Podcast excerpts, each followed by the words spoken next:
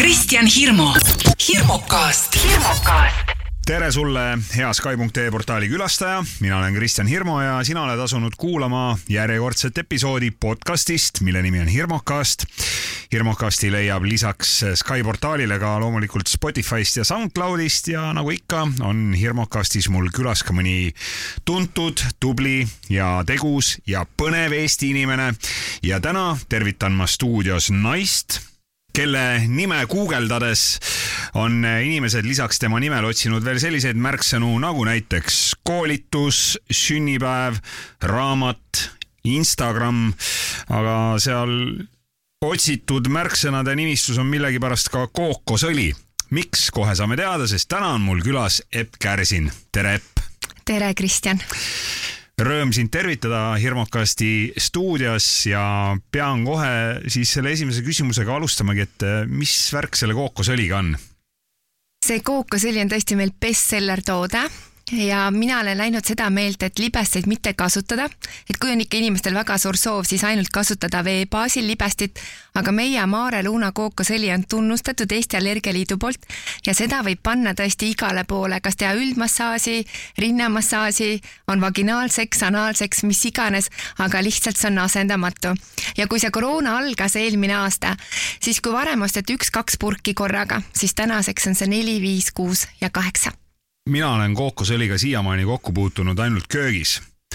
Ja... see pole see kookosõli, mis meil on täiesti lõhnatu, siidiselt libe, ei tekita allergiat, inimesed jäävad sellest sõltuvusse. okei okay,, et seda siis toidu valmistamiseks ei tohi seda kasutada? võib ka kasutada no, toidu valmistamiseks, aga tal ei ole seda lõhna enam juures kookosõli no, lõhna. no vot, sellepärast, et äh, mul oli ka siin mõned aastad tagasi selline periood, kus ma võtsin natukene tõsisemalt käsile trenni ja toitumise ja kõik siis need käsikäes moodustasid sellise toreda kombo, et mul õnnestus kaalust alla võtta viisteist kilo ja siis ma mäletan, et seal oli nagu selline selline võlusõna oli see kookosõli, aga, aga jah, mina kasutasin siis kookosõli ainult köögis ja põhiliselt praadimiseks, et sina kasutad siis kookosõli nagu teistel eesmärkidel? ma kasutan seda nii köögis, magamistoas kui ka vannitoas, sest ta on väga hea ka tegelikult keha sellise naha pehmuse tekitamiseks no väga põnev, äkki siis pärast äh, jagad mõne retseptiga, mis sobiks, ma ei tea, kööki, magamistuppa, vannituppa. mina võiksin jagada retsepte, mida kookosõliga magamistoas teha. kui kõva käsi sa köögis oled? mulle meeldib süüa teha, aga tunnistan ausalt, et ega ma viimasel ajal väga sinna ei jõua. mulle väga meeldib Boltiga toitu tellida, sest see on nagu väga lihtne, hoiad aega kokku ja nii palju rohkelt võimalusi Epp, ma pean kohe ühe asja siin üle kontrollima, sellepärast et äh, minu mälus on mingid sellised natukene hägusad pildid mis on, ma arvan, vanemad kui paarkümmend aastat ja mul on mingid sellised mälupildid, et me oleme sinuga koos viibinud äh, ühes ruumis ühel ja samal üritusel, kus on mängitud äh, kõlaritest valjusti klubimuusikat ja tuled on vilkunud ja ja mina olen kuskil DJ puldis ja sina oled kuskil tantsupoodiumil, et kas need mälupildid, kas, kas vastab need on tõele. nagu tõesed või, või ma näen seda unes? Kristjan, vastab täiesti tõele, ma olen läbinisti olnud ka tantsuinimene, et ma olen tantsinud kunagi ka teatris, no kõikides praktiliselt ööklubides, mis Eestis tollel ajal olid ja ka No Big Silence'is no vot, nii et siis äh, ilmselt on äh, sind ja mind teed kokku viinud juba aastakümneid tagasi kuskil Klaaban Limitedi pidudel ja. ja, ja täpselt, just, jah, just. no vot, äh, ma tean, et sa oled sellest rääkinud ka hästi palju ja ma üldse imestan, et sa viitsisid tulla hirmukasti, sellepärast et minu meelest sa oled nagu ennast Eesti meedias nii ära avanud, et, et kas üldse veel on midagi, mida sinu kohta keegi ei tea? Loomulikult on, üks on. asi on ju kuvand see, kes ma olen koolitajana aga teine on see, kes ma olen päris inimesena ja see, kes ma olen päris inimesena, jääb ikkagi, ütleme, enamus inimestel ju kättesaamatuks. no vot, aga proovimegi siin siis täna kui päris inimest avada, aga, aga üks asi, mida ma nendest lugematutest intervjuudest ja sinust kirjutatud lugudest olen äh, aru saanud ja lugenud, on siis see ja sa ise vist oled ka seda öelnud, et et sul on olnud nagu neid ameteid nii palju, et, et noh, sa oledki, nagu sa ütlesid, sa oled olnud tantsija, kas äh, päris professionaalne tantsija, siis said, said raha ka ikka selle eest, eks ju? No ma tollel ajal teenisin ikka rohkem kui minu vanemad kokku kahe peale. see oli väga hästi tasustatud ja ma olin veel niimoodi, et äh, ma ei ole olnud kunagi striptiisitar, kuigi see oli minu jaoks väga suur selline valik ühel hetkel, et kas minna Itaaliasse tantsima või mitte. aga kas pakuti?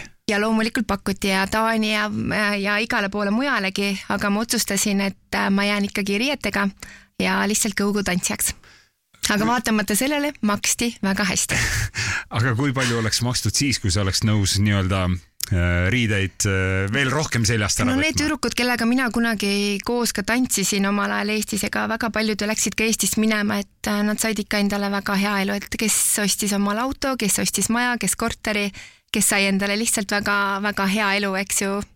nii et ma, aga samas ma ei kahetse mitte midagi. mis töid sa siis veel oled teinud? Mul on tegelikult kaks kõrgharidust, ma olen õppinud Tartu Ülikoolis kehakultuuri teaduskonnas.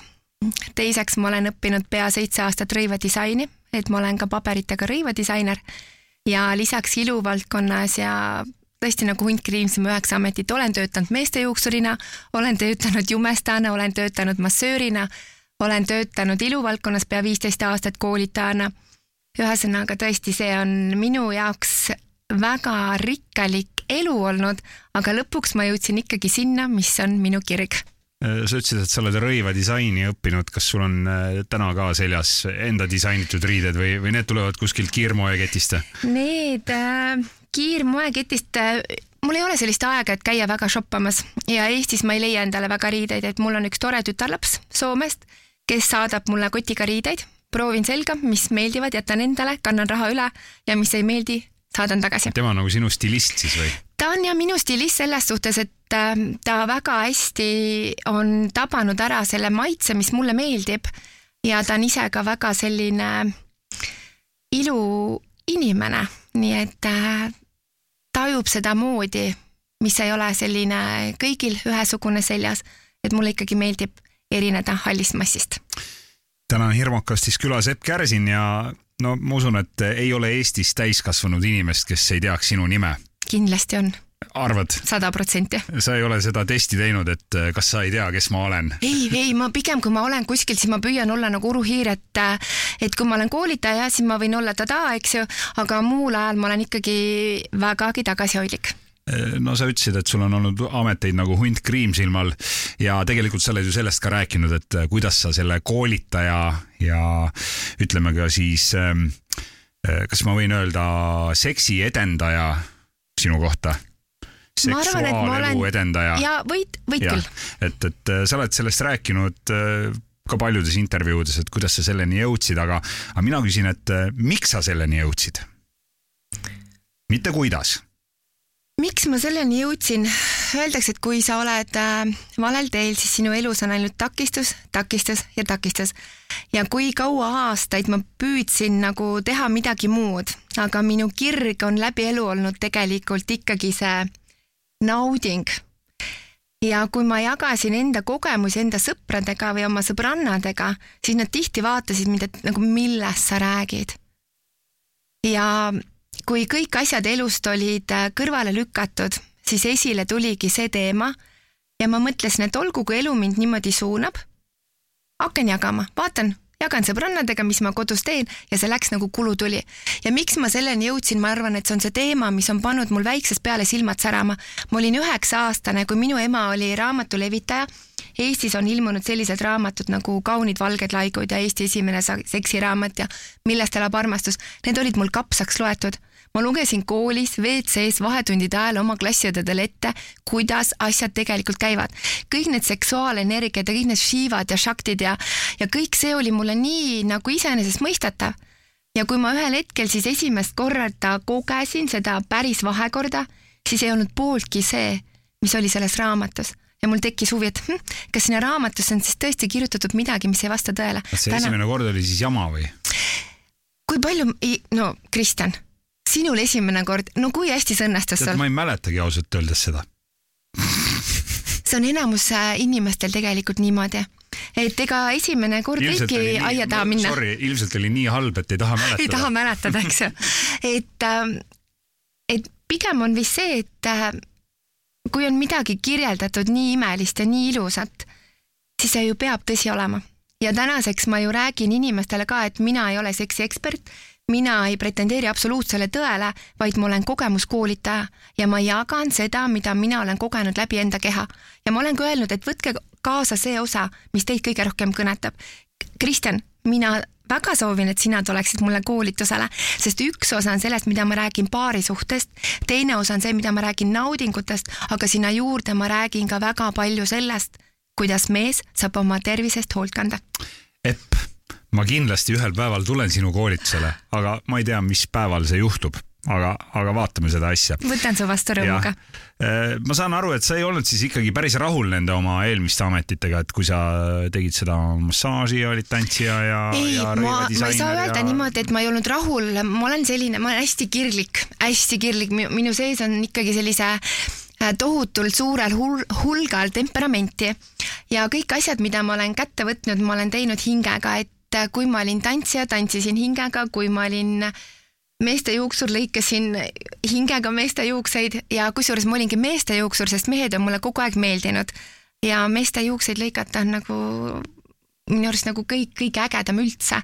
nii et ma ei saa öelda, et ma oleksin nagu ära tüdinenud, aga lihtsalt tervis ütles üles, kui ma olin iluvaldkonnas ja ma olin tilgutite all ja siis mul tuli otsustada, et kuidas edasi ma ütlekski sinu kohta, et äh, sa võib-olla pole ka selline klassikaline koolitaja, kuigi noh, tänapäeval neid koolitusi on ka igasuguseid ja, ja kõik see inimeste enese täiendamine ja, ja täiskasvanute õpe ja kõik see on hästi-hästi kuum teema ja ja miks mitte, eks ju, arendada ka siis äh, selles valdkonnas, äh, mida sina koolitad. aga ma ütleks sinu kohta isegi võib-olla pigem, et sa oled ikkagi nagu artist noh, sul on kõik see oma kuvand ja, ja sul on see oma story ja, ja tead, meil ei ole siin Eestis võib-olla mõned artistidki nii ägeda background'iga nagu sina. Äh, lisaks sellele ma ütleks, et äh, sa oled ka äkki Eesti paremini teeniv naisartist ma ei vasta sellele küsimusele, ma ei tee seda raha pärast, tunnistan ausalt. aga see, see mul... toob üsna hästi sisse, eks ju? ei kurda, aga see on mul esimene ettevõte, kus mul ei ole Exceli tabeleid, nagu päris ausalt. Mul on pigem see, et õde, õde on mul assistent, meil on hästi tore pereettevõte, ema on, tegeleb netipoega ja pakib tildosid ja küünlaid ja nii edasi. Aga õde on see, kes alati tõmbab, kui ta näeb, et mul on ühes nädalas juba nii palju koolitusi tema enam ei pane sinna, ta ei luba panna, aga siis inimesed võtavad otse minuga ühendust, kas kirjutavad Facebooki kuuleppe, et meil oleks vaja seltskonnale eritellimusega koolitust, kas sul kuskile mahub. alles üks päev mul oli äh, siis, kui veel neid piiranguid ei olnud, oli kolm koolitust päevas. ma lõpetasin pool üks öösel ja siis ma mõtlesin, et kui ma homme hommikul kell kümme siin juba alustan või täna hommikul kell kümme, ma peaksin ikka oma stuudiosse tooma teki ja padja. no aga. see on minu kirg, ma, ma ei saa ei öelda see on ju, see on ju, see on ju suurepärane kombinatsioon, kui sa teed seda, mis sulle meeldib ja selle eest makstakse hästi. vaata, öeldakse, et see on ju ideaalne, kui, kui sinu, sinu hobi on ühtlasi ka sinu töö, kui sa saad selle eest raha. jaa nagu aga... jaapanlased, eks ju, sealt Okinawa äh, saarelt, eks ju, usu, usuvad sellesse, et meil igalühel peab olema oma ikigai.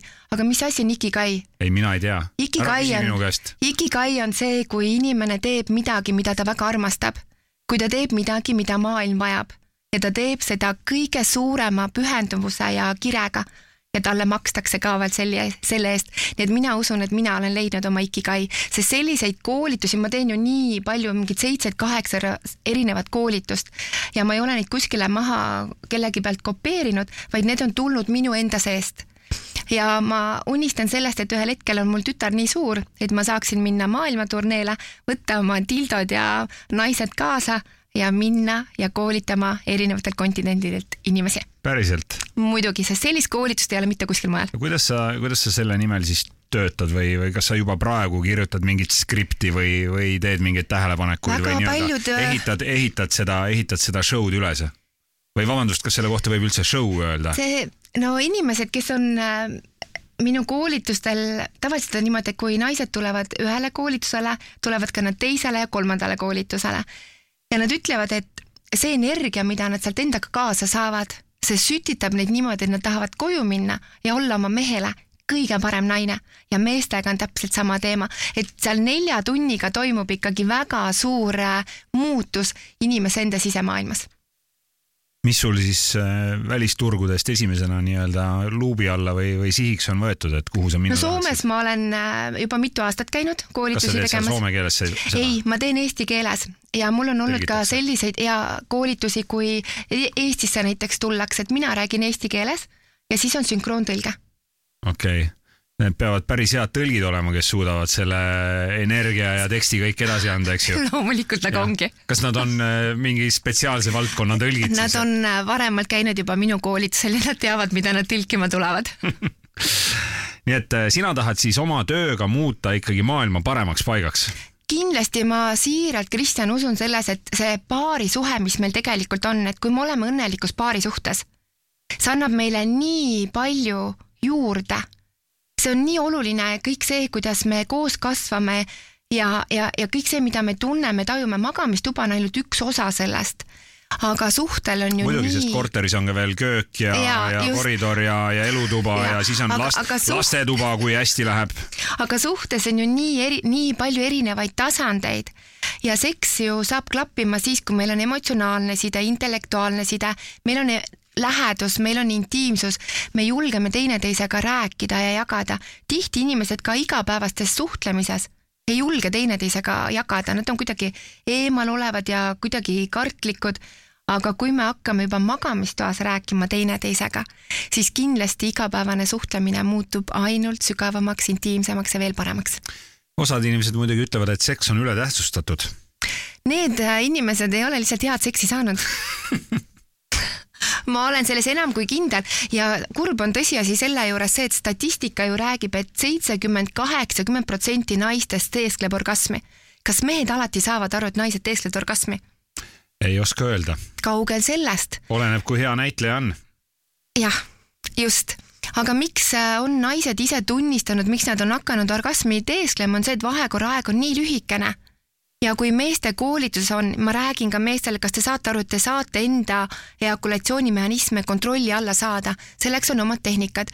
Ja üheminutilisest meest on võimalik teha mees, kes kestab kakskümmend minutit, pool tundi, tund aega. Et see ei olegi siis nagu ainult filmides? ei, see ei ole ainult filmides, see on reaalselt seesama äh, lingami massaaž või see, kui mees õpib ise seda tehnikat äh, enda peal kasutama, on tohutult, tohutult tuhandeid-tuhandeid tagasiside sellest, et inimeste elud lihtsalt muutuvad sõrmenipsust.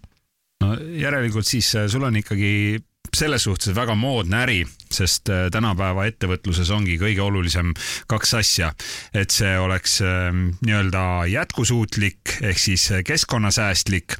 Ja, ja teine väga tähtis punkt on see, et, et sinu äri muudaks maailma paremaks ja lahendaks ära mingi probleemi, et sina lahendad siis ära need magamistoa probleemid oma äriga mitte ainult magamistoa probleemid, Kristjan, kas sa tead, kui paljud ettevõtted käivad oma meeskondasid koolitamas, kui palju ma käin ettevõtetes loenguid andmas? oota, kuidas see käib, meil on ka siin oma ettevõte näiteks ja. Sky Media, kas me võiksime ka tellida endale sinu ja. käest mingi ja saategi loengu, tund aega loengut, seal on mehed-naised koos ja ma räägin sellest, kui oluline on tegelikult paarisuhe.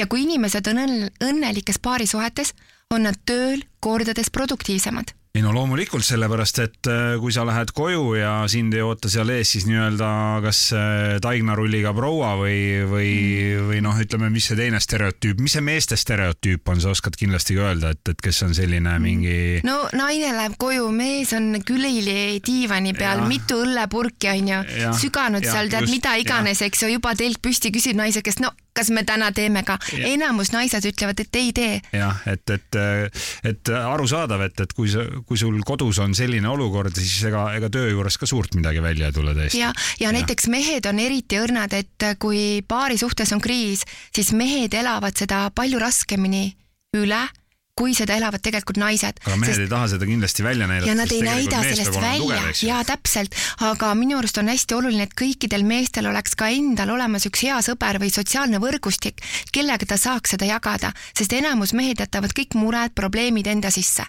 ja millega see lõpeb, eks ju, mees, kas seal on siis paar varianti, kas ta hakkab jooma, ta mm -hmm. läheb hüppab alla kuskilt mm -hmm. või siis äh, läheb kuhugi lõbumajja. tegelikult vaimne ja füüsiline tervis on otseselt ka seotud selle düsfunktsionaalse paari suhtega, et kui me ei ole õnnelikus Oota, paari suhtes.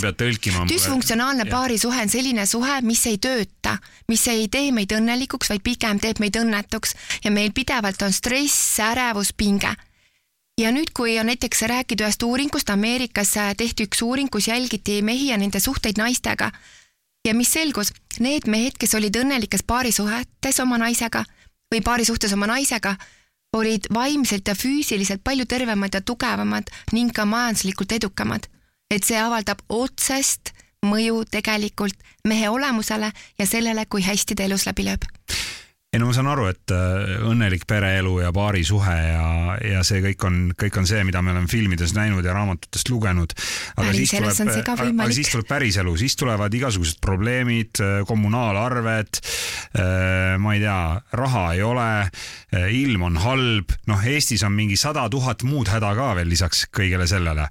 ja osad inimesed ütlevad, et äh, ka seda, et õnn ei peitu rahas aga raha puudumine teeb ka inimesed õnnetuks. ja kindlasti. et, et see, see ei ole ikkagi nüüd ainult päris see, et, et noh, me siin sätime magamistoas kõik asjad korda ja siis on ülejäänud asjad ka kõik äh, laabuvad iseenesest või, või kuidas? minu arust peaks olema kooli ja haridussüsteemis täiesti eraldi loeng selle kohta, kuidas teadlikult paarisuhet luua.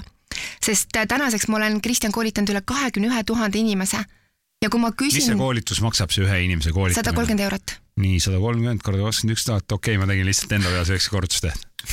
Kristjan, kui ma alustasin, siis see koolitus ei maksnud sada kolmkümmend eurot et aga see..., aga räägi, räägi aga..., sa oled ja ma tean, et sa oled käinud koolides loenguid pidamas ja. aga kuhu ja... ma tahtsin jõuda, on sellega lihtsalt, et kui meil oleks kooli haridussüsteemis ähm, loeng selle kohta, kuidas teadlikult paarisuhet luua, kuidas iseennast väärtustada, mis on need fundamentaalsed nagu baasteadmised, siis mina usun et, et viiskümmend protsenti abieludest täna, kui lahutatakse isegi selle, siis see abielude lahutuse protsent oleks kordades väiksem täna on Hirmukastis külas Epp Kärsin, tuntud koolitaja ja ka Eesti koolides seksuaalteemadel ja paarisuhte teemadel ja, ja õnnevalemi leidmisel käinud loenguid pidamas. mida siis inimesed valesti teevad? et miks see või, või kust, kust sa peaksid selle õige paarilise siis üldse endale leidma või, või kuidas see, kuidas see tähtsam... protsess nagu välja siis peaks nägema, sa ju ei tea, sa saad võõra inimesega kokku mm. -hmm noh, ja siis äh.... mis on oluline, on kõigepealt see, et kõige tähtsam suhe meil siin elus sünnist surmani on suhe iseendaga. kui mina iseennast ei tunne, ma ei tea enda soove ja vajadusi, siis ma ei saa ka tegelikult nagu loota, et elu kuidagi kannaks mind kätel. kui mina naisena saan teadlikumaks iseendast, ma ei lähe enam kuskilt leti alt, ma ei tee kompromisse iseendaga ja ma usungi sellesse teadlikult, et õnnelik paarisuhe, see kirge torm võib suhtesse jääda. ma olen käinud ilmselt äh, teadliku naisena kursustel, ma olen lugenud raamatuid, enne partneriga, kui me paneme leivad ühte kappi, palun võtke see aeg ja minge selline koolitus nagu paarisuhte edendamise programm, kui ma nüüd õigesti ütlen, aga kodulehekülg on neil prep.ee. Te saate kahe päeva jooksul juba teada kas sellest suhtest on potentsiaali või ei ole. inimeste suhted kuidagi juhtuvad, neid ei luua väga teadlikult. siis on armumisfaas, roosad prillid on peas, kõik sobib, siis tuleb laps laps on see, mis paneb paari suhte väga korralikult proovile. laps ongi see kurja juur, sa tahad öelda siis või? laps ei ole kurja juur, vaid me peame olema ette valmistanud, et laps toob nähtavale kõik selle, mis paari suhtes on võib-olla peidetud kujul. laps toob nähtavale selle, et kui tugev on üldse see paari suhe ja siin ma ütlen ka kindlasti, kes veel pole kuulnud, minge Gordoni perekooli koos oma partneriga, teist saavad paremad lapsevanemad ja te suudate ka oma suhte päästa väga keerulistest ja kriitilistest olukordadest ei no see kõik on väga ilus jutt, aga ma mõtlen ikkagi seda, et, et kui kaks noort või noh, tänapäeval ka võib-olla kaks vanemat või keskealist inimest saavad kokku, siis kuidas sa selle õige partneri siis kohe ära tunned? Või sa ei tunnegi teda kohe ära, et, et sa, sa. see on, see on hästi nagu huvitav nagu, et see on ja kindlasti peab ka katsetama, et kui sul on ikkagi kogemusi, siis sa juba eos tajud ära, et kas see on sinu inimene või ei ole. aga kui sa oledki selline noor ja roheline, eks ju, et sul on alles esimene suhe, on neid paare, kellel see esimene suhe õnnestubki, saavad kokku neljateistaastaselt ja ongi tead seal kakskümmend, kolmkümmend aastat koos. no mu enda suguvõsas on näiteks selline paar, kes on kooliajast alates koos ja noh, ma loodan, et neil on ikkagi kõik on, kõik, on hästi, hästi. ja, ja see võibki Vaata, nii. sa ei näe ju inimeste sisse tegelikult. inimese sisse sa ei näe ja sa ei näe tegelikult selle paari suhte, mis seal fassaadi taga toimub täna on ju hästi palju selliseid suhteid, kus ollakse koos sellepärast, et on positsioon, on raha, on ilus elu, äh, mees petab, jääb vahele, tõstetakse ainult panuseid. naisele võimaldatakse parem elu, ilusamad asjad, kallimad reisid, naine paneb silma kinni ja kannatab jälle ära aga hommikust õhtuni see naine tümitab meest, näed, mis sa tegid. mina arvan, et ka selline paarisuhe ei ole nagu kõige õigem me oleme kõik siia ellu, ma arvan, tulnud ka selleks, et armastada, olla armastatud. ja nüüd on see julgus, et kas ma lasen mitte toimivast suhtest lahti.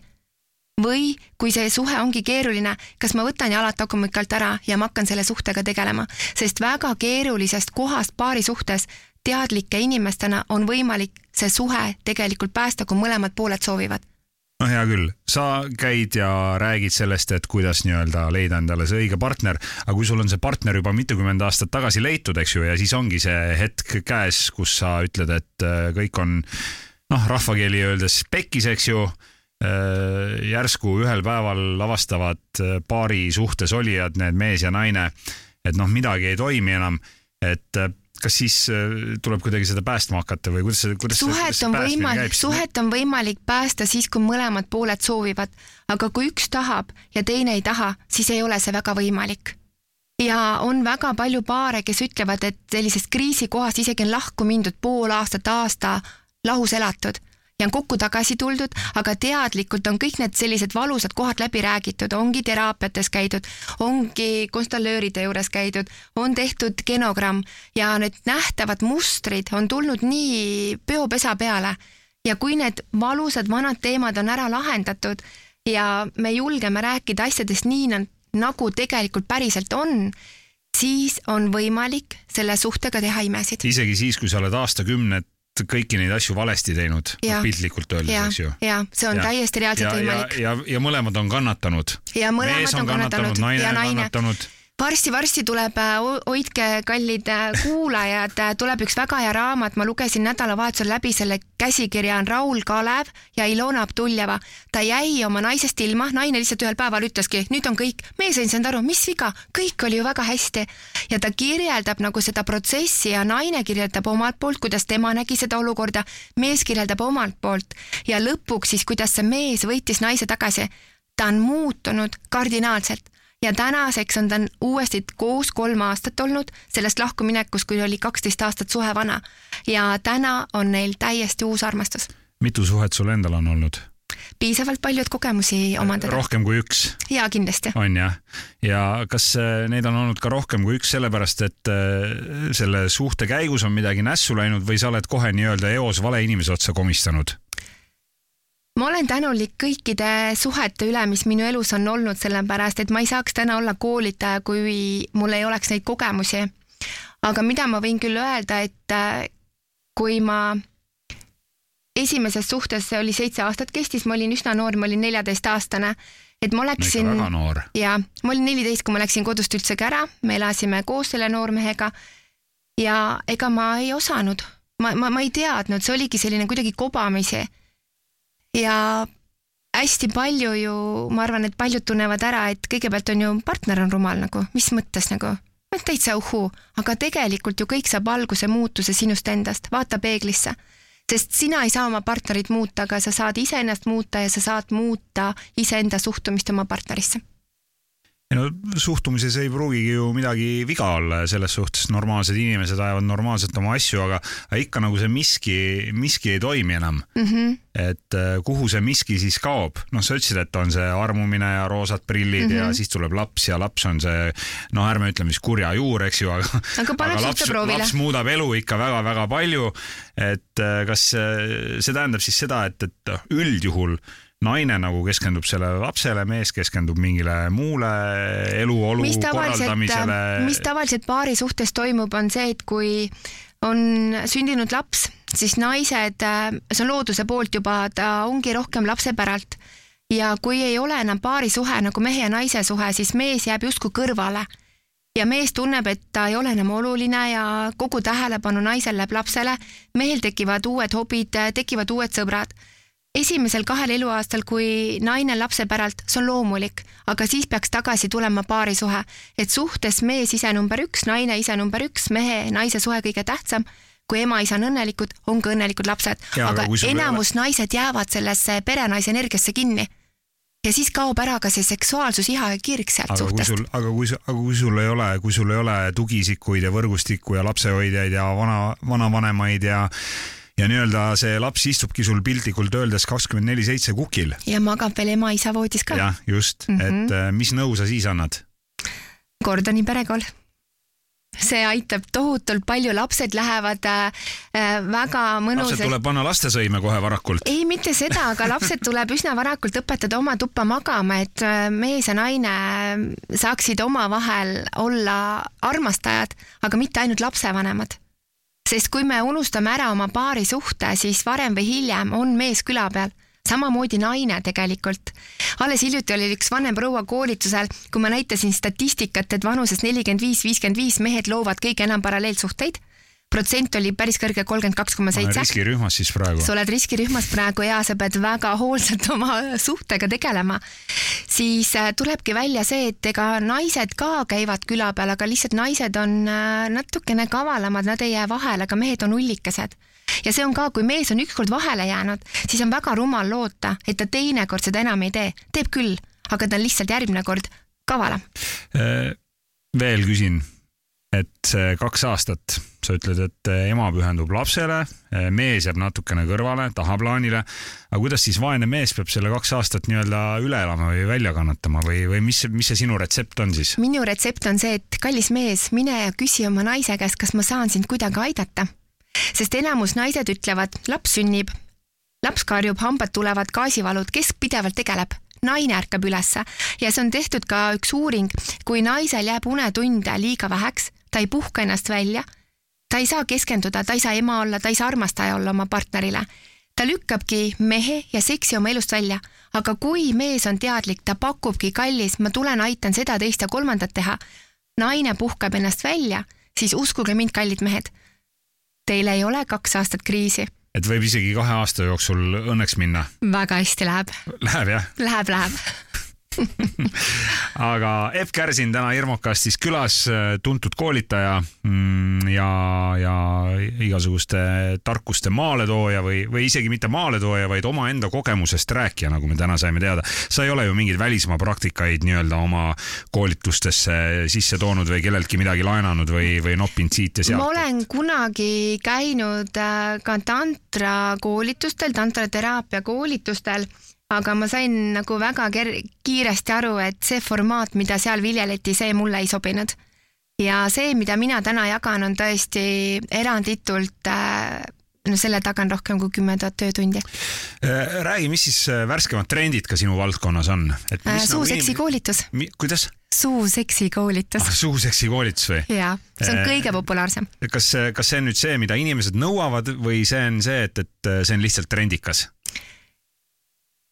See on, äh, see sai alguse sellest, et mul endal tuli soov, et ma tahaks midagi uut, mingit ägedat asja nagu pakkuda vahele, mis mulle endale metsikult meeldib, noh, aga kõik Sulle asjad. meeldib suuseks? loomulikult.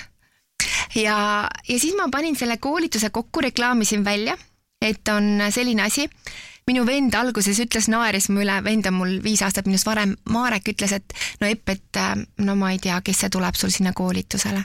tänaseks on see meil kõige enam bestseller number üks koolitus. ja see on nii tore, emad käivad oma tütardega seal koolitusel. Tartu koolitusel küsisin, et vaatasin, et nii sarnased, et äh, kas sugulased ja siis see tüdruk ütleb, et ei, et äh, võtsin emaga kaasa. ma ütlesin nii, ütleb, et jaa, et aga ma tahtsin, et isal ka hea oleks. et tänapäeval on hästi palju, ütleme need põlvkondade vahetusega toimunud see, et seks ei ole enam midagi häbi, vaid see on üks väga loomulik ja imeline kogemus. kas sinna koolitusele tulevad ka sellised inimesed, kellele nii-öelda ei meeldi? ja Minu... siis, ja siis tulevad, tulevad sinna selleks, et äh, ennast selle teemaga kurssi viia ja, ja siis, et see hakkaks meeldima või, või kuidas, kuidas sellega on, sest kindlasti on ka neid inimesi, kellele ei meeldi suuseks. ja sellised inimesed minu koolitusel üldse ei jõuagi minu koolitusele jõuavad ainult need inimesed, kellele seks meeldib, kellel tabusid ei ole ja kellele meeldin ka mina koolitajana, sest see, ütleme, kaks tundi kestab suuseksi koolitus, tund aega teooriat, tund aega mina näitan ette, šokolaadikreem on peal. see on lihtsalt see on lihtsalt nagu nii äge koolitus. aga on ju selliseid inimesi ka, kellele seks ei meeldigi, kuigi jääb mulje, et seks on selline asi, et see meeldib kõigile mina arvan ikkagi seda, et need inimesed, kes ütlevad, et äh, seks ei meeldi, nad ei ole lihtsalt head seksi saanud. kui vahekorra on kümme-viisteist minutit sipsimist, siis naine ei jõua selle ajaga mitte kuskile. ja alles äh, kolm nädalat tagasi tegin Saaremaal romantikapaketi paaridele, kus oli kakskümmend neli paari ja pühapäeval jagamisring ja üks mees ütles, sellel nädalavahetusel ma sain alles teada, mis asi on eelmäng. mis on jagamisring? Äh, nad tulevad reedel, on koos paarid teoorias ja laupäeval on praktika, ei, on praktika ja siis äh, pühapäeval nad jagavad, kuidas neil praktika Aa, läks. just. okei okay,, aga ainult siis nagu räägivad? ja nad ainult ei pea, ei pea, meie... ei pea kellegiga kedagi midagi jagama, vaid lihtsalt suusõnaline tagasiside. väga hea see kestab siis terve nädalavahetuse selline, pühapäevani. laager. laager. laager võib selle kohta öelda. võib öelda, et see on naudingute laager ja paljud paarid, üks paar äh, ütles ka niimoodi, et kui ma küsisin, kuna teil oli viimane kord selline nädalavahetus reedest pühapäevani koos oma naisega, nii et ühtegi last ei ole kaasas, siis üks äh, naine ütles, et neli aastat ja kaheksa kuud tagasi, kui me käisime mehega IKEA-s mööblit toomas, kui lapsi veel ei olnud kord kuus peaks olema see aeg, kui me võtame aja maha, et olla oma partneriga kahekesti et üks kord kuus on selline ja, optimaalne? jaa, optimaalne. okei okay., aga siis äh, noh, sinu teooriaid arvestades peaks see periood olema ikkagi sihuke mingi mitu tundi, see kord kuus, ma mõtlen see, noh, sa ütlesid, et viisteist minutit siksimist või sipsimist. ütleme, et kähkukad on meie elus väga ägedad aga kui on ainult elu koosneb kähk-, kähkukatest, siis äh, naised ei jõua mitte kunagi näiteks emakakaela orgasmini või need sisemised orgasmid jäävad tal täiesti kättesaamatuks. aga elu ongi kiire, meie elu koosnebki kiirmoest, kiirtoidust, kiirmuusikast, äh, kiirseksist. aga kõige olulisem on ju osata nautida elu, et äh, siin ja praegu see kohalolek on kõige-kõige tähtsam et kui vähe on neid paare tegelikult, kes õhtul ka teleka ees võtaks oma partneri jalad, teeks jalgade massaaži või teeks õlgade ei massaaži. sest on vaja Instagrami story sid vaadata, seal ka läheb aga, kõik, pilt läheb nii kiiresti eest ära, viisteist sekki ja juba aga, järgmine video, no kiire, kiire, kiire, kiire, kiirus on peal. ja aga see, aga see ongi see, et meil jääb elus nii palju kogemata, kui me ei oska nautida seda hetke, seda kohalolekut see on see kõige tähtsam tegelikult. ei võida see surres, kellel on kõige rohkem asju, võidab see, kes on kõige rohkem elu kogenud. mina tean, et võidab see, kellel on kõige rohkem likee vot, ma olen, mina, ma ei oska sellele kaasa rääkida, sest ma olen tohutult passiivne Instagramis, Facebookis. ma isegi, kui on vaja mingit postitust teha, ma palun tütrele, et ole hea, tee ära. et minu elu on see, mis ma elan ise, on, ongi minu elu, ma ei jaga seda kuskil sotsiaalmeedias okei okay,, saime teada, et sinu koolitustel on praegu kõige kuumem trend on suuseks, aga kas on ka mingeid selliseid globaalseid trende, mida sa näed, et ma ei tea, mis tuleb Aasiast või mis tuleb Ameerikast või, või mis üldse nagu inimkonda, mis inimkonda praegu nendel segastel aegadel nagu erutab kõige rohkem? või mida tahetakse teha või tahetakse proovida mingit täitsa ekstreemi, mingit uut värki, mingi noh, ma ei tea mis ma olen täheldanud, on see, et mida paarid ise jagavad, et nad on aru saanud sellest, et oma seksuaalfantaasiaid võib jagada, et sa võidki partnerile välja näidata, et sa oled pervert. ja see on nagu kõige ägedam. et muidu mees omaette kuskil nokitseb ja naine omaette kuskil nokitseb. tehke suud lahti, jagage oma seda sisemaailma, mis ongi nii äge ja nii põnev ja rollimängud või sidumismängud või, või mis iganes, et äh, sellest ühest partnerist on võimalik välja võtta tõesti see maksimaalne potentsiaal, mis tema sees on. aga see tähendab seda, et meil ei ole enam hirmu ja häbi nendel teemadel rääkimaks kas äh, koroonaaeg on üldse kuidagi seda business'it, noh, nimetame seda nii ja ma ei, ma ei pea silmas seda sinu, sinu valdkonda, vaid äh, seda seksi business'it. tegelikult siis seda, mida inimesed omavahel ajavad ja, ja kuidas nad käituvad ja, ja kuidas see, kuidas see elu, kõik need paarisuhted ja magamistuba ja, ja kõik see, et, et kas see koroona on seda kuidagi muutnud ka ja, ja. kui, siis mis suunas? et äh, praegu, mis toimub tegelikult on suhetes, käib läbi ikka korralik reha et see koroona on pannud äh, väga sellise sügava sisekaemuse partneritele, et kas see suhe töötab või see suhe ei tööta, et need suhted, mis olid head, läksid veel paremaks. Ja need suhted, mis olid kehvad, läksid veel hullemaks. Ja see, mis ümberringi tegelikult toimub, kui paljud paarid on nii sügavas kriisis ja kui paljud lahutavad, kui paljud lihtsalt nagu ei jaksa, sest nad pole võib-olla mitte kunagi varem olnud nii palju oma partneriga koos, kui nüüd koroona ajal, kui olid piirangud. ehk siis ikka see kodus nelja seina vahel ja, olemine, kõik toob... see kaugtöö, distantsõpe, pered on koos eh, päevast päeva ainult üks ja seesama mm -hmm. nägu, üks ja, ja seesama kaerahelbe puder hommikul, jälle kohv piimaga, eks ju, et see rutiin, et see tapab nagu ära selle elu. rutiin tapab ära ja sellepärast tulebki elada nii võimalikku elusat elu, kui on see sinu enda oma selliseks, mis teeb sind õnnelikuks, et ärge muutuge mugavaks ja ärge võtke oma partnerit iseenesestmõistetavalt.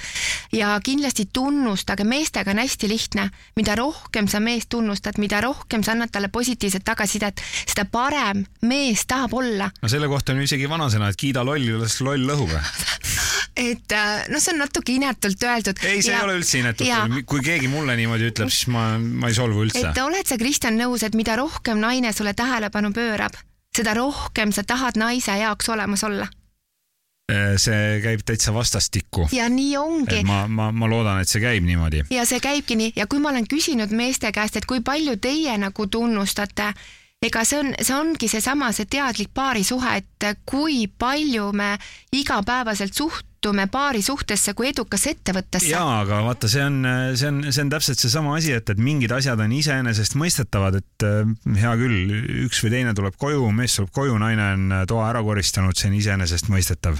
ja lõpuks äh, sa ei, sa ei tunnusta teda ju, sa ei ütle ju, et, et kuule, kallis naine, et sa oled täna jälle nii tubli olnud, sa oled toa ära koristanud.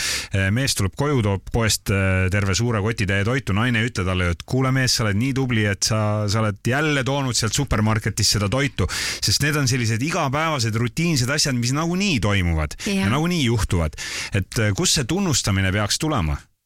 tunnustamine võiks ka tulla sellest, et äh, pisiasjadest just seesama, et äh, no jaa, aga mees need on, võttis on... tolmuimejaga põranda, tõmbas ära ma ükskord tegin seda. nii, mis äh, naine tegi? tead, tead, tead, mis juhtus või no.? mitte ma ainult ei tõmmanud tolmuimejaga põrandat puhtaks, vaid ma ka pesin põranda ära. nii? Ja selle peale naine, me olime eraldi niimoodi, et mina olin mm -hmm. linnas, tema oli maal. naine küsis minu käest, mis juhtus? said millegagi hakkama või? no vot no, see on samamoodi, et kui ma küsin, et meeste käest, et kuna te viimane kord üllatasite oma naist, siis on paus, ma ütlen ikkagi positiivselt, siis üks mees tegi ah, selle peale, et äh, paarisuhe on nagu üks edukas ettevõte päriselt. et nii kui me tahame, et ettevõte teeniks kasumit, me ju panustame sellesse. paarisuhtega täpselt samamoodi. kuna sa viimane kord küsisid oma naise käest, kallis, kas sa tunned, et mina armastan sind? mis on need tegevused, mis panevad sind tundma, et mina sind armastan? kui sa tahad, et ettevõte teeniks kasumit, siis tuleb kulusid vähendada ja tulusid suurendada. aga paari suhtes see ju ei toimi, kui sa kulusid vähendad ja tulusid suurendad siis see lõpeb sellega, et äh, lihtsalt kõnnitakse, kõnnitakse laiali mina, mina pigem panustaksin sellele, et me oleksime paari suhtes kohal ja me ei võtaks seda paarisuhet iseenesestmõistetavalt. et kui palju me veedame koos kvaliteetselt aega. ettevõtetega on äh, selline lugu, et kui mingi asi töötab, siis seda ei ole mõtet näppida siis ta töötab hästi mm -hmm. ja mhm. ta töötab aastakümneid. muidugi teisest küljest jälle, kui me võtame väga suured maailmafirmad mm, -hmm. kogu aeg on vaja teha reklaami. Coca-Colat ju teavad kõik, aga nad ikka teevad iga päev reklaami ja, ja kulutavad mm -hmm. hästi palju raha selle peale. et ei no tuleb ikkagi tegeleda jah, aga, aga no see on. Äh, paljud mehed on niimoodi, et nad arvavad, et suhtega on kõik hästi. Nad isegi ei lähe küsima, et kas midagi muuta, sest et sealt võib tulla niimoodi, et hommikuni on kõnesid, hommikuni räägitakse. Ja, ja kui naine tahakski midagi öelda, siis mees, ära hakka jälle pihta, mis viga on, kõik ju on nagu hästi. et kui palju me tegelikult kuulame teineteist, kui palju me jagame oma päeva, kui palju me mõtleme ette, et nagu mis on tulemas et kui palju me planeerime, sest elutempo on nii kiire ja kui Elu... me ei planeeri, siis ei tulegi sinna midagi vahele. elutempo on kiire ja kui sa näiteks äh, teed veel mingit sellist tööd, kus sa pead nagunii päev otsa aru andma, et äh, kus me oleme, kuhu me läheme, millised on seisud, palju me oleme müünud, äh, millistel, millised on konkurentide plaanid, eks ju, siis sa lähed koju, sa oled nii tühjaks pigistatud nagu sidru, sidrun, et sa ei suudagi enam sellest rääkida aga Kristjan, kui sina koju lähed, kuidas naine sind maandab? kui mina lähen koju mm, -hmm. siis on, äh, siis äh, esiteks noh, minu, minu tööpäev on täiesti selline ebatraditsiooniline, vaata ma äh, argipäeviti töötan hommikul kella kuue ja kümne vahel. jah ja siis ma lähen koju ja, ja siis on, siis on mul seal terve pikk rivi erinevaid ülesandeid äh, veel mm, -hmm. kes on vaja viia õue jalutama, kes on vaja viia trenni, kes on vaja koolist ära tuua, kes on vaja ja, ja siis sa oledki nagu orav selles rattas aga kui palju sul on aega päevas oma naise jaoks kahekesti koos olemiseks? Äh, no see on, see on teine väga keeruline küsimus, sest kui sul on kodus väike laps, siis väga palju ei ole jah mm -hmm.. jah aga siin saates ikka küsin mina, Epp, nii et aitäh sulle nende küsimuste eest. ma tahaks, et ka, ka need kuulajad mõtleksid kaasa sellele, et jaa, võivadki olla väikesed lapsed ja ongi väga palju kohustusi, aga kui meil on see nagu mudel ja me kogu aeg oleme nagu orav rattas ja me mitte midagi ei muuda, siis ei olegi võimalik, et meile tuleks midagi uut ja, aga see ongi selline tore koolitaja jutt, et äh, sa oled nagu orav rattas, aga sa pead midagi muutma. aga anna siis mulle konkreetselt, äh, tee mulle üks A4, äh, kuidas ma muudan, kuidas ma mu saan muuta näiteks seda, et mul on vaja laps viia muusikakoolist trenni, ma ei mm -hmm. tahaks teda viia -hmm.. okei fine, ma võin talle tellida mingi takso või Bolti. tead, ma ei usalda seda ma tahan minna talle ise järgi, viia ta mm -hmm. ise sinna, see tähendab seda, et mul ei ole võimalik seda kuidagi muuta mm. -hmm. ja ma saan aru, et seda sotsiaalset iga... võrgustikku ka ei oleks ema-isa, kes viiks ja tassiks, on ju. see on see iga, ei no see, see podcast siin praegu, see ei ole nagu minu personaalprobleemi arutamine, aga ma toon lihtsalt näite, näited, et kuna minu elu on selline, siis äh, ja, ja seda, seda rutiini on nagu, seda ongi praktiliselt võimatu muuta, sest sinu elu ongi selline. ja, aga tead, ma ütlen selle kohta nii, ma olen olnud ise sellises kohas. muutus tuleb meie ellu siis, kui me enam ei talu mitte ühtegi päeva, et see elu on täpselt samasugune. nii inimene on tohutult laisk, inimene on tohutult mugav, isegi kui ta teab, et see on ebameeldiv, justkui tundub, et mitte ühtegi väljapääsu ei ole, siis see väljapääs tuleb sellest hetkest, kui sa ütled, et vot mulle enam nii ei sobi. ja siis tulevad muutused. Äh, kas äh, sinu mees on sinuga rahul või? ei kurda kas teil on ka mõned tülid vahepeal? loomulikult kõigil on tülid ja millest need tülid tekivad tavaliselt? nii, nüüd küsisin mina Epu käest, Epp mõtleb. mis on, mis on number üks tülide allikas teie peres näiteks, Epp Kärsin, palun vasta mulle. meil ei ole nagu sellist äh... mingit kindlat mustrit või mudelit? ei hea küll, äh, sa praegu et... mõtled nii sügavalt, et äh, ma ikkagi kahtlustan, et, et teil ei ole, teil ei ole mingeid tülisid, aga, aga, aga noh, sa ütlesid, et, et on. noh, tavaliselt äh, tülid tekivad sellest, et. mulle näiteks üks asi, ma kohe ütlen, mis mulle ei meeldi, mulle ei meeldi jah. see, kui kellaaegades kinni ei peata, peeta, see on Aha. olnud nagu kõige suurem koht, kus ma tunnen, et et minu aega ei väärtustata, et kui lubatakse, et see kell kui, kui mina olen lubanud, et ma olen näiteks kell kaksteist seal, siis ma olen kell kaksteist seal võib-olla isegi paar minutit varem. aga kui mul on öeldud, et kell kaksteist ja ilmutakse tund aega hiljem, siis mul on alati see, et aga miks sa sõnumit ei saatnud mm. -hmm. et mul on tööasjad, aga kes mina olen? sul on ka tööasjad? mul on ka tööasjad, eks ju, aga, aga ikkagi samamoodi, et ma väärtustan nagu seda inimest ja tema aega okei okay., kas seda võib äh, laiendada, et üleüldse selline lubadustest kinnipidamine? jaa, see on minu jaoks hästi-hästi terav teema, et kui ma olen midagi lubanud, siis ma teen seda. ja kui on midagi lubatud ja sellest on justkui nagu mitte kinni peetud, siis see teeb mulle haiget. kas see tähendab seda, et äh, õnnelikus paari suhtes oleks mõistlik lubada maksimaalselt vähe asju. on õige, jah? õige, õige, õige, õige lähenemine. pagan, et ma alles praegu selle peale tulin. ja, et pigem nagu luba vähem, aga tee rohkem. sest äh, jälle vaata siin vana Eesti vanarahvas on nagu pannud täiega võssa, sellepärast et Eesti inimesel on ju selline ütlus ka, et hea mees, kes lubabki, eks ju mm. -hmm. aga tegelikult sellega ju siis kaugele ei sõida. ei sõida ja naistega on veel nii, et kõige hullem on see, et naistel on ju kronoloogiline mälu nendest asjadest, mida mees on lubanud ja, ja mida ta pole teinud vanaemal, kadunud vanaemal oli nagu selles suhtes, see oli hämmastav mälu, eks ju. ja see ongi kõige hullem ja kujutad ette, et need lubadused, mida te pole täitnud, see kõik ühel hetkel kandub magamistuppa ja sealt tulevad kõik need vanad teemad üles. oo oh jaa, no sealt äh, kannatab kindlasti mingi vana asja meelde tuletada mm -hmm. nii-öelda. seal täpselt. öeldakse muidugi jälle vanade eestlaste poolt, et kes vana asja meelde tuletab, selle silm peast välja, aga, mulle tundub, et aastal kaks null kaks üks need vanade eestlaste ütlused, need väga-väga hästi ei päde, eks ju. jah ja.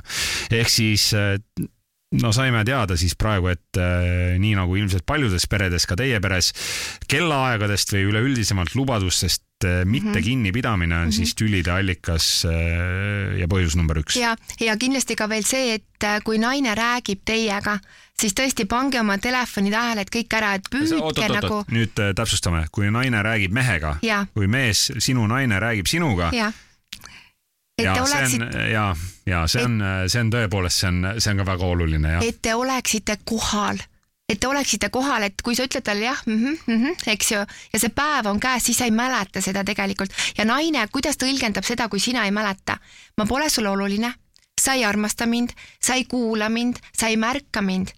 seal on, kui sina jätad midagi lihtsalt, mis läheb sul meelest ära, siis selle taga on terve nimekiri asju, mida naine tunneb. aga kas unustamine ei ole mitte inimlik, seda on ka vanad eestlased öelnud, et unustamine on inimlik ja inimene ei ole masin või inimene ei ole mingi kõvaketas, mis talletab ja salvestab nagu kõik sajaprotsendiliselt, sul võivad ikkagi mingid asjad meelest ära mida minna. mida tahavad naised tunda ja ka mehed tegelikult, et ma olen paari suhtes märgatud ja ma olen oluline. ja kui sul on inimene kallis ja oluline, siis sa mäletad ja sa teed seda, mida sa oled lubanud ja sa pead ka kokkulepetest kinni Epp Kärsin vastas ära küsimusele, mille ma oleksin podcasti lõpus talle nagunii esitanud ja see küsimus siis tegelikult, see nagu kuldvillakus, et me teeme nüüd tagurpidi. küsimus oli see, et, et mida naised tahavad ja sa just vastasid sellele küsimusele ära, eks ju mm -hmm.. ehk siis naised tahavad, et neid märgataks, jäetakse meelde nende poolt äh, antud edasi see informatsioon. ja et naine ja... tunneks ennast oma mehega turvaliselt, see Aha. turvatunne on nii oluline. et kui te olete naist alt vedanud ja usaldust kuritarvitanud, siis seda tagasi võita on pea võimatu. naised võivad andestada, aga nad ei unusta mitte kunagi. aga mida naised veel tahavad? hellust, armastust, väga hea oleks meestel, kes seda kuulavad või ka naised, sellest on väga palju räägitud, aga tehke ära see viie armastuse keele test sest mina naisena räägin oma partneriga läbi enda armastuse keele. mees räägib minuga läbi tema enda armastuse keele ja kui need armastuse keeled on erinevad, mees võib mida iganes naise jaoks teha, aga naine ütleb, sa ei armasta mind. aga kas see ei ole siis äh, armastuse avaldus, kui mees näiteks oma naisele kingib langevarjuhüppe? Sest äh, ta nii väga armastab oma naist ja ta tahab talle pakkuda mhm. seda meeletut emotsiooni ja, ja seda närvikõdi ja kõike ja. naise armastuse keeleks on kingitused ja ekstreemsused, loomulikult, aga kui naise armastuse keeleks on puudutused ja sa kingid talle langevarju hüppe, siis ta mõtleb nagu, mis mõttes on ju tehtud kindlaks, et need inimesed, kes paari suhtes rohkem kallistavad ja suudlevad, nad on õnnelikumad, õnnehormoon, serotoniin, neil on lähedus, neil on intiimsus, neil on palju sügavam emotsionaalne side. Kristjan, mitu korda sina oma naist kallistad ja suudled päevas? päevas? jah. ma mõtlesin, et see on ka üks kord kuus. ei, päevas no nagu on päriselt. päevi, kus ma teen seda mitu korda, jah. ikkagi pikalt kirglikult ja keelega või lihtsalt annad musi huulte peale, see ei ole suudlus jälle me oleme jõudnud siin nüüd sellesse etappi, kus ma pean ütlema sulle, Epp, et väga hea küsimus, aitäh et siin saates ikka küsin mina ja podcast nimega Hirmukast üürib vaikselt lõpupoole. tundub, et Epp, ma oleks pidanud sind broneerima nagu pikemalt, et meil oleks õnnestunud kindlasti teha umbes selline kolmetunnine saade ka, sellepärast et juttu siin jätkub ja tundub, et teema on kuum ja, ja sellest annab siis tunnistust ka see, et, et sinu koolitused on kõik välja müüdud ja sulle helistatakse isegi öösel kell pool kaks, et kas sa saad tulla meile mingit private'it teha. ei, sellist asja ei ole küll olnud, et mul on vedanud selles suhtes, et, et mind ei ole kuidagi kurjalt ära kasutatud, et inimesed ikkagi väga suure austuse ja lugupidamisega äh, suhtuvad sellesse, mida ma teen. ja kuigi nüüd kellegi, sa ütlesid, et koolitused on välja müüdud, jaa, ma olen otsapidi veebruar kaks tuhat kakskümmend kaks. Ja kellel on soov, huvi teada, mis koolitused need üldse on, millest me täna oleme siin väga pikalt juba rääkinud, siis eppkarsin.com, nad saavad äh, järgi vaadata. Ja mis on uus veel tegelikult sellest aastast, ma hakkasin tegema enda stuudios mul on päris oma uus stuudio nüüd Paldiski maanteel kakskümmend üks, kus siis ma teen ka noortele loenguid, sest väga paljudel vanematel on endal ebamugav rääkida seksiteemadel ja ma räägin vanuses kaksteist kuni neliteist on loeng ja vanuses viisteist kuni seitseteist ja räägin sellest, millest koolis ei räägita nii et äh, kaheteistaastasele on juba täitsa okei okay hakata rääkima või, või peaks veel varem alustama? osad äh, viienda-kuuenda klassi lapsed juba seksivad, nii et kaheteistaastasena võib-olla me oleme isegi juba hiljaks jäänud. kui vanalt sa ise alustasid? ma olin piisavalt vana. number palun Pole oluline ma loodan, et sa selle küsimuse peale ei solvunud ei, üldse mitte. mis on kõige hullem küsimus üldse, mis sinu käest on küsitud? ei olegi sellist asja, mul on, äh, mul ei ole sellist häbi, et äh, ma ei lähe punastama mingite seksiteemade peale, mul on, ma olen sündinud täiesti ilma häbigeenita, ma võin seksist rääkida nagu kartulisalatist. Ja inimesed on öelnudki, et kui nad tulevad koolituse ruumi, siis alguses võib-olla nad istuvad, ootavad, on natuke noh, kohmetust. Kinni. Ja natuke kinni, aga esimesed viis minutit ma lihtsalt sulatan nad ära ja nad ütlevad, nad lähevad sealt uksest välja niimoodi, et neil on tohutu enesekindlus, neil on soov katsetada, proovida ja nad on saanud nii paljudele sellistele põlevatele, põletavatele küsimustele vastused, millest nad varem ei ole kellegiga saanud rääkida. kas sa tead, kas sinu valdkonnas on ka mõni selline meeskoolitaja olemas Eestis? kes kunagi võiks, küll oli. kes võiks samasugust asja teha, aga, aga võib-olla vaata, mehed omavahel saaksid mingeid asju veel mugavamalt arutada. Ma arvan, et isegi Eestis on neid mehi olemas. ma olen kuulnud, kes teeb, on Tom Valsberg, ta teeb ka meestele. Ja siis on hästi toredad mehed, kes teevad meeste selliseid laagreid, on Tiit Trofimov ja Raivo Johanson, eks ju. Ja tegelikult neid on ja, ja minu arust ongi hästi oluline, et meestel oleks ka selline oma kooskäimiskoht, kus mehed saavad omi asju omavahel rääkida. ikkagi peaks olema selline väike meesteklubi ka nagu Muidugi. naistel on oma sõbrannad Nagu ja chatid, eks ju, tänapäeval, siis äh, just. miks ei võiks meestel olla mingi oma selline selline klubi, aga kas Muidugi. need peaksid olema siis sellised füüsiliselt eksisteerivad klubid, et mehed saavad reede õhtul näiteks kokku, teevad kuus õlut ja arutavad seal oma meeste asju või see peaks ka või, või see peaks ka toimuma kuskil nagu eh, nii-öelda virtuaalses maailmas? no ütleme, et kõige parem on ikkagi see, kui me saame füüsiliselt kokku. See on hoopis midagi muud. no vot, mul on plaanis just reede õhtul sõbraga kokku saada ja natukene juttu rääkida. oled õigel teel. et siis vaatame, mis teemasid. temaga muidugi me neid teemasid väga ei ole puudutanud. seksiteemadest üldse ei räägi või? mitte eriti jah aga, miks? See on hea küsimus. ma kü- küsin kohe tema käest, kuidas ma peaksin alustama, kas ma peaks küsima midagi sellist, et kas ta on Epp Kärsini seksikoolitusel käinud? eh, ta on kusjuures minu meelest, jah. no näed, küll mitte vist päris mingil sellisel koolitusel, aga noh, tead mingi poissmeeste peo käigus või midagi taolist, et lühivariant. et, et aga kuidas siis, kuidas peaks alustama, peaks küsima, et no kuida- et kuidas sul naisega läheb, et meil siin Jah. oma naisega on nii, et midagi taolist no mida iganes nagu või küsida selline lihtne küsimus, et äh, kas sa saad äh, kodus seksi nii palju, kui sa soovid? mida enamus mehed sellele siis, sõber, vastavad. siis sõber vaatab, et noh, selle venna võib ka nagu listist maha tõmmata, et kõik nägemist. aga miks on niimoodi, et inimesed aga kas naised, aga kas naised siis nagu räägivad omavahel, sõbrannad räägivad niimoodi sellistel teemadel, et no minu et- sõbrannad, kes mul on, ma räägin kõikide sõbrannadega seksist, no mul ei sina, olegi. sina muidugi noh, sina, sinu, sina oled nagu meil eri case ja erijuhtum, aga ma räägin seda, et kui nagu normaalsed inimesed kokku saavad. oota, kas ma ei ole normaalne, Kristjan, mida sa sellega öelda tahad? ma arvan, et ma olen ääretult, mis on üldse normaalsus, ma arvan, et ma olen ääretult normaalne juba sellepärast, et ma teen seda, mis mulle meeldib, mul ei lähe korda see, mida keegi minust arvab ja ma tean ise, et äh, see paneb mul endal silmad särama, see on minu kirge torm ja ma ei tunne, et ma käiksin tööl. sa oled väga normaalne inimene, Epp, ei ole kahtlustki. meestest veel rääkides, sa tegelikult juba täna hirmukasti alguses korra mainisid ka, et, et eh, mehed, mehed ja nende tervis on ka üks väga selline tõsine teema, et, et ja me ei räägi mitte ainult vaimsest tervisest, vaid ka füüsilisest poolest ja, ja nii-öelda sellest, et eh, mees oleks veel kõrge vanuseni mees mm -hmm. ja et, et kõik funktsioneeriks ja toimiks ja, ja töötaks hästi. täna on see, et tervena elatud meeste vanus Eestis on viiskümmend neli koma üheksa mis vanuses peaks minema mees oma tervist juba kontrollima? ei ole nelikümmend pluss, viiskümmend pluss, ta võiks juba tegelikult minna kolmkümmend pluss. Ja ma siinkohal tahakski teha väga head äh, reklaami, on pikema sõpruse päev, mis novembrikuust on saanud jälle alguse, kus mehel on võimalus minna, seal on erinevad koostööpartnerid, ta annab ühe tilga veiniverd ja sellest tuleb välja kaksteist peamist vere nagu näitajat. Ehk sealt tuleb esile, kui seal on mingite markerite muutused, et äh, suunatakse edasi spetsialisti juurde ja mees saab tegelikult aimu, missugune olukord tema kehal on.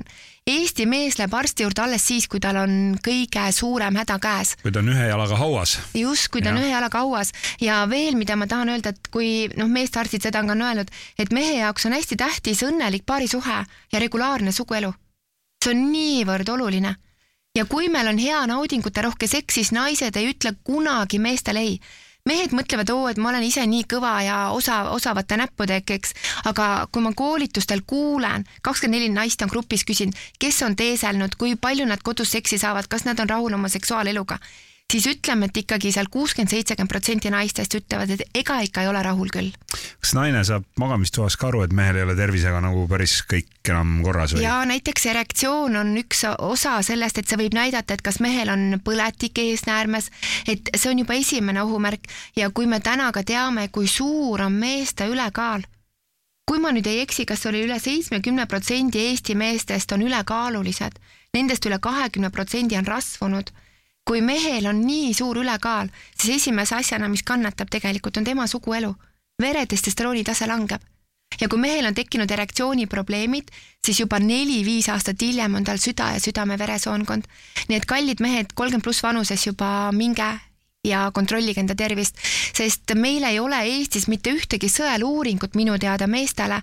kui mees ise arsti juurde ei lähe, siis mitte keegi teda sinna ei kutsu kuidas Epp, sinu mees on ikka normaalkaalus ja, ja täiesti. kõik on füüsiline vorm ja kõik on, kõik on vinks-vonks, kõik funkab, töötab ja, hästi. sul on ikka hea mees. ei kurda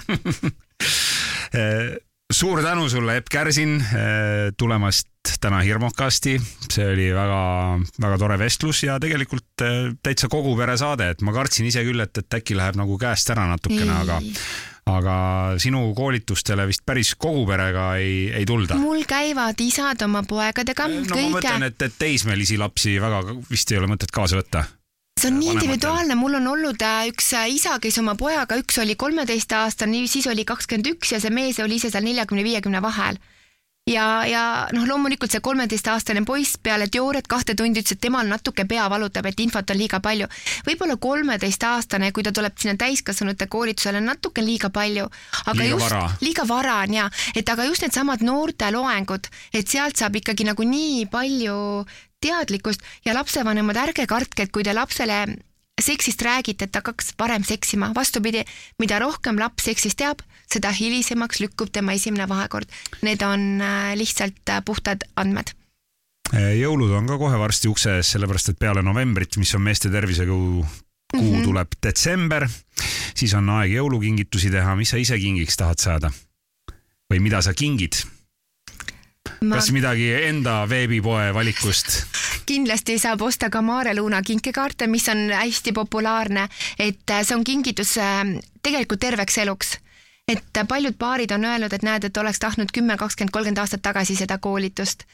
aga mida mina ise ootan, ma tahaksin, et mul oleks rohkem aega iseendale. see on selline kulunud klišee, jaa, aga kui aega, ma ikkagi töötan aega, väga aega. pikalt äh, ja mul ei ole aega sporti teha, mulle väga meeldib rattaga sõita, et ma olin alles nädalavahetusel, tegelikult neljapäevast pühapäevani olin rattaga Pärnus ma naudin spordi tegemist ikkagi, see spordigeen on mul sees ehk siis. ja tahaks reisile saada, vot see on see, kuhu ma tahaks minna, ma tahaks minna Ameerikasse kuuks ajaks. on plaanis siis, minna jaanuaris. ehk siis äh, tegelikult on ikkagi vaja raha, sest nagu ütlevad vanad inglased, time is money ja vastupidi. et äh, sul on selleks, et äh, saada aega, on sul vaja raha. tegelikult on niimoodi, et äh, me peame lihtsalt oskama oma aega paremini planeerida, et lühema ajaga teeniksime rohkem raha ja see on väga hea soovitus. Äh, kas jõuludeks muidu sobib kinkida ka mõni seksilelu?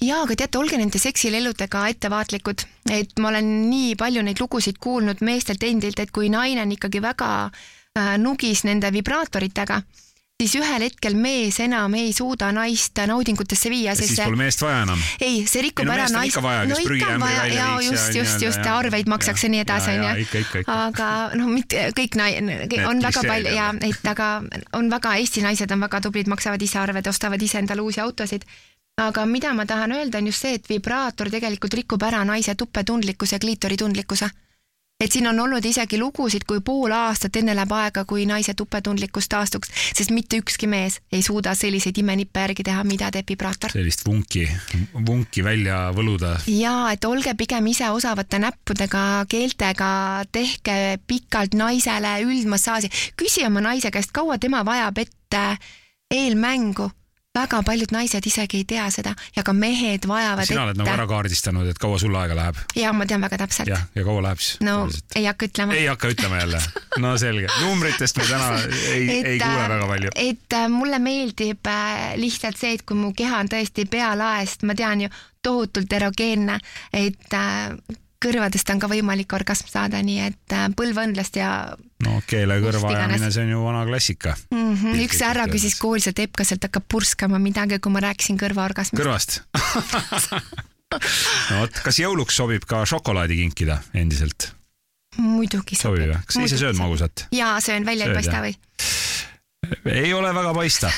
Meie koos kolleegidega Sky plussi hommikuprogrammist muideks eh, kuulutasime endale välja magusa vaba novembri mm. -hmm. ja katsume siis eh, kuidagi selle, selle üle elada. kusjuures õhkõrn võimalus oli, et me kuulutame välja ka seksivaba novembri, aga kahjuks ei näinud Aga- stuudios sellel hetkel kätemerd, nii et see jäi välja kuulutamata. no aga see mehe tervisele on väga kehvasti, kui on äh, kuu aega ilma seksita. no nagu sa ise ütlesid, siis eh, kord kuus on ka täitsa parasjagu, nii et jaa, et aga kord kuus võiks olla hästi pikalt ja põhjalikult Aa, ah,, aga okei. muul ajal Mingeid nädala sees ikka sutsakad üks-kaks korda, ma arvan, et on täiesti okei okay. Okay.. kõige tähtsam ongi see, et noh, et mees on rahuldatud, naine on rahuldatud ja kõik ongi nagu tore, sest äh, minu arust rahuldamata inimesed on kõige kohutavamad üldse.